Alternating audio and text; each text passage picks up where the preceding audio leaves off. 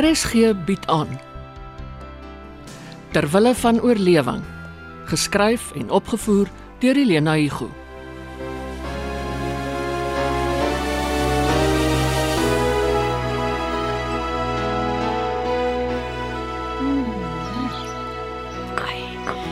Die koffie is lekker. Iets besonders eintlik. Dankie dat jy dit aan ons bekend gestel het.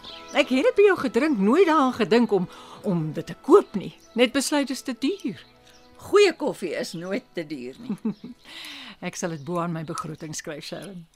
Sarah, ek is van nou af Sarah. Kom nou. Jy lyk nog so Sharon. Wag tot Trudy met my klaar is. Dis dringend ek moet 'n totale metamorfose ondergaan om te kan oorleef. Nie net my hare en my gremering en my klere nie, my naam ook. Dis te verstaan, maar ek is gewoond aan Sharon. Julle sal moet oefen, anders word ons uitgevang. Om wie om die bos te lei. Enigiemand wat kom navraag doen? Nie ek nie, jou niggie Sarah het hier gekuier, nie jou suster Sharon nie. Laat ons hoop dit raak nou nie vir ons nodig om te jok nie. Dis 'n waagstuk, nê, dat ek nog hier is. Ek en Gerard is bekommerd. Ons is jou naaste familie en ons wil nie by hierdie saak betrokke raak nie. Maar ons verwag dat die polisie enige oomblik sal opdaag. Om watter rede tog? Jy's met Rey getroud en jy was ook nie tuis toe die balie op julle huis toe geslaan het nie. Die bure weet dat ek hom verlaat het. Ek het gesorg dat die nuus by hulle uitkom. Ek het net nie vir hulle gesê waar ek is nie. Nou, die polisie is op soek na leidrade. Ek het niks verkeerds gedoen nie. Ja, goed, Ry het my gedwing om diamante te smokkel, nie dwelms nie. Het jy regtig niks geweet nie? Rihanna, ek wou nie weet nie. Ek ek sien. Gerard is bekommerd oor hy se bokse. Hy reken hy sal nog 'n poging aanwend om dit in die hande te kry. Dis nou byna 'n week en hy was nog nie weer hier nie. Maar ons verwag hom enige oomblik. Dit maak my bang. Ek moes Vrydag na 'n paar stukkies klere in 'n tas geprop het en gemaak het dat ek wegkom. Om jou die eerlike waarheid te sê, ek was bang hy hou die huis dop en agtervolg my. Ja. Hy weet jy skuil by ons. Toe drink ek twee slaappille, trek die duvet oor my kop en slaap. Ag, ek voel so veilig in my mooi nuwe kamer. Ek wens ek kon hier bly. Maar ek moet gaan. Jy het my genoeg tyd gegee om alles uit te werk. Maar moenie dink dit is maklik nie. Wel dis hoekom ons jou nie aanjaag nie. Dis my laaste dag vandag. Ek beloof jou. Dis die dag. Vir ons ook. Want ons moet hier agterbly met die met alles wat jy hier agterlaat. Rihanna, dit het ek nou nie van jou verwag nie. Wat? Dat jy my verwyd na alles wat ek deurgemaak het. Ek het nie 'n vaste adres nie. Jy het die huis, 'n man en kinders, die kerk, tannie Gertie en oom Abby altyd byderhand. Ek los omtrent alles wat ek hiernatoe saamgebring het vir julle. Plus die koffiemasjien en die oefenfiets, die bokse ook. Die bokse ja. Dis na hulle wat ek verwys. Ah. Klink my Fifi en Mia is wakker. Ek gaan kyk of Gerard al op is. Ag haal asseblief Polly se kombers af voor hy te sien wie agter geraak. Mia, lyk my almal behalwe Polly is vandag vroeg op. Hallo my Fifi kind, het jy lekker geslaap? Ja, dankie. Heel nag deur. Uh, Waar is my ma se vinnig een? Sy het jou pa gaan aanpraat. Ons het 'n vroeë koffietjie gedrink, die laaste reëlings bespreek. Ek is bly jy's op. Fifi, mamma skep vir jou jou jogertjies. Of moet Mia vir jou jou kossies gee? Hè? Uh ek net gou vir Polly oopmaak. Ooh, is hier nog koffie? Ja, en redelik vars, Mia. Dit sal gaaf wees as jy net in my kamer toe kom. Ek wil my styl verander. Hmm. Dalk kan jy my raad gee. 10uur wil ek gou oorstap na Lona toe dat sy my kan help met die verstellings. Dink jy sy sal oukei okay wees? Jou ma was gisteraan daar en sy sal weer aan die gang. Sterk vrou daai. Ek wil in elk geval vir haar ook 'n geskenkie of twee vat en moet inpraat.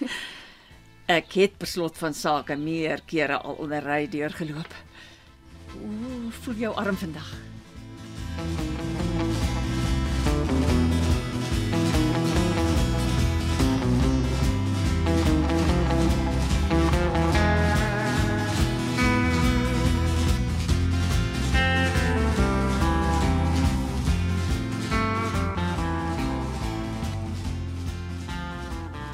Ai Lona.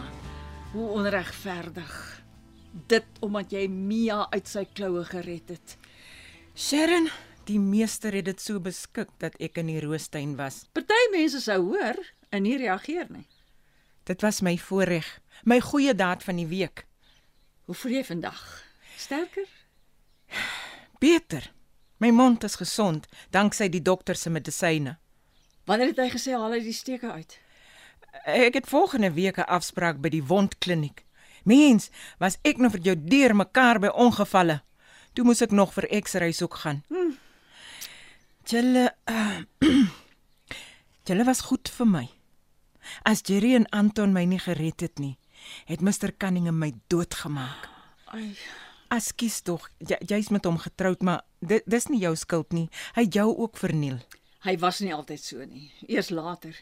Hy kan nie sy humeur beteel nie en dan haal hy dit uit op die een naaste aan hom of of op iemand soos jy wat hom teëgestaan het. Weet ons vrouens weet nie altyd wat wag vir ons in die getroude lewe nie. Het jou man jou ook verniel? Nie hy nie. Hy was sterk en gespierd, maar sag, nes ons kind, sagmoedig. Ons was gelukkig saam tot 'n seekat hom bygekry het. Ek dink hy's dood in 'n mynongeluk. Nee, in die lang arms van 'n ander vrou. O, oh, sy was bekend vir haar dinge. Toe gryp sy my man ook. Oh, dit gebeur. Mans is nie bestand teen mooi vroue nie. Haar naam was Dolores met die high heels en die kort rokkies. Alles het uitgehang. Van onder tot bo, regte Delilla gewees sy. Ja, seker bepleister van die grimering op. Shocking pink lipstick en vals wimpers wat sy so op haar wange laat fladder het as haar mans in die omgewing was. Lang naels, nooit sonder 'n sigaretie. Ek het begin rook na Hilton weg, is weet jy. My senuwees was klaar van die skande. Jy verstaan? Niemand kon my troos nie. Pastoor Paulus so min soos die res. As jy daai tyd in die Vrystaat was, sou jy die koerante gesien het. Ugh, ugh, vrou. Ekskuus. Ek wil jou nie pla met my storie nie. Praat Lona. Dis goed om te praat. Het sy jou man se dood veroorsaak? Nie sy nie. Haar man. Hy het haar saam met Hilton in die bed betrap. En toe En toe skiet hy hulle mors dood. Net so in die bed. En hy loop polisie toe en gaan gee sy pistool vir hulle. Is hy tronk toe. Mm, Net 15 jaar. En vandag loop hy vry, glo iewers in die Kaap. Hy het my verskoning kom vra. Gehuil. Maar wat help dit? Ek moes my kind alleen grootmaak. As die kerkie vir ons gesorg het, sou ons dit nie oorleef het nie. Nou sorg hy vir jou, jou kind. Op sy manier. Maar jy weet werk is skaars.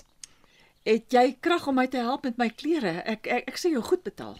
En jy's so vrygewig met jou sepies en gesigrome. Rihanna en Mia sal die res wat hulle nie kan gebruik nie ook met jou deel. Hy nee vrou, dis nie nodig nie. Dit is Lona, ons skuld jou vir die pyn en lyding wat hy jou aangedoen het. Hm, Julle seker al spyt dat julle langs ons kom woon het.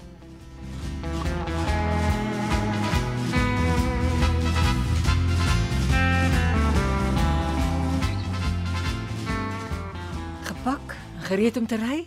Koos is oor 5 minute hier. Ja, dankie. En dankie vir die tasse wat ek by julle kon oorneem. Ek het nooit daaraan gedink dat iemand my aan my bagasie sou kon uitken nie. En dat Mia my dit daarop wys. Slim kind. Ek glo nie sy het bedoel dat ons jou Louis Vuitton oorneem nie.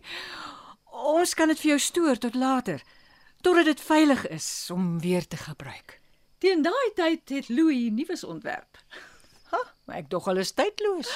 min of meer. Dankie vir jou goeie leerhandsak. Ek het dit by jou gekry 2 jaar gelede vir Kersfees. Jy het dit skaars gebruik. Ek reis nie so baie soos jy nie. Winkels toe vat ek my ou lapsak.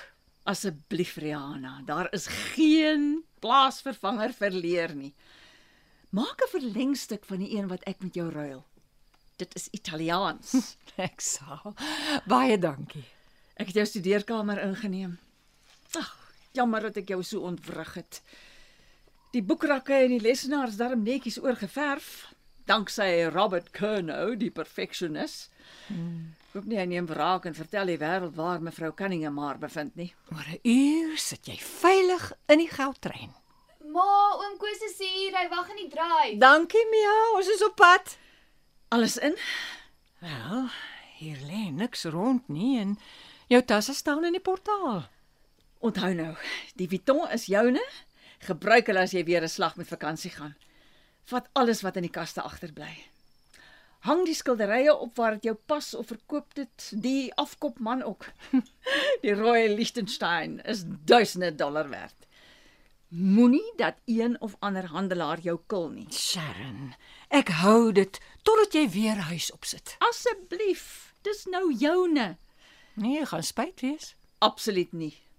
As daar een ding is waaroor ek wel spyt is, is dit my persiese matte wat op Villa Cunningham se vloere agtergebly het.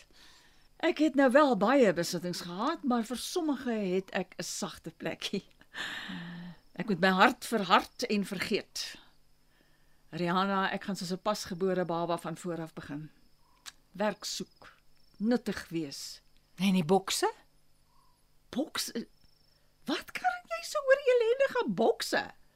Hou dit vir 'n noodgeval. Jy het volgende jaar twee kinders op universiteit. Dit is jou geld. Ek gee dit vir julle. Deel dit uit vir die armes. Gooi dit op die komposhoop. Verbrand dit. Maak daarmee wat jy wil. Wat my betref is die doel daarvan uitgedien. Ek het dit in die eerste plek gevat om Ry te tempteer. Ek is jammer. Ek moes dit nie weer opgehaal het nie. Ek aanvaar jou verskoning. Vrede? Ja. Lief vir jou. Al verstaan ek jou nie aldag nie. Asof ek jou aandag verstaan. Wel, dit was 'n unieke Desember met jou in die omgewing. Never a dull moment tot op die laaste sekonde. Miskien is dit die laaste hierdie. Nou, miskien sien ons mekaar nooit weer nie. Ek gaan jou mis. En ek vir jou. Ma, Sharon, oom Koos raak haastig. Is ek besig om met my lewe aan te vang? Jy oorleef, Sharon. Jy is sterk en slim. Jy sal oorleef. Sonder julle? Sonder Fifi? Ek is die eensaamste mens op aarde.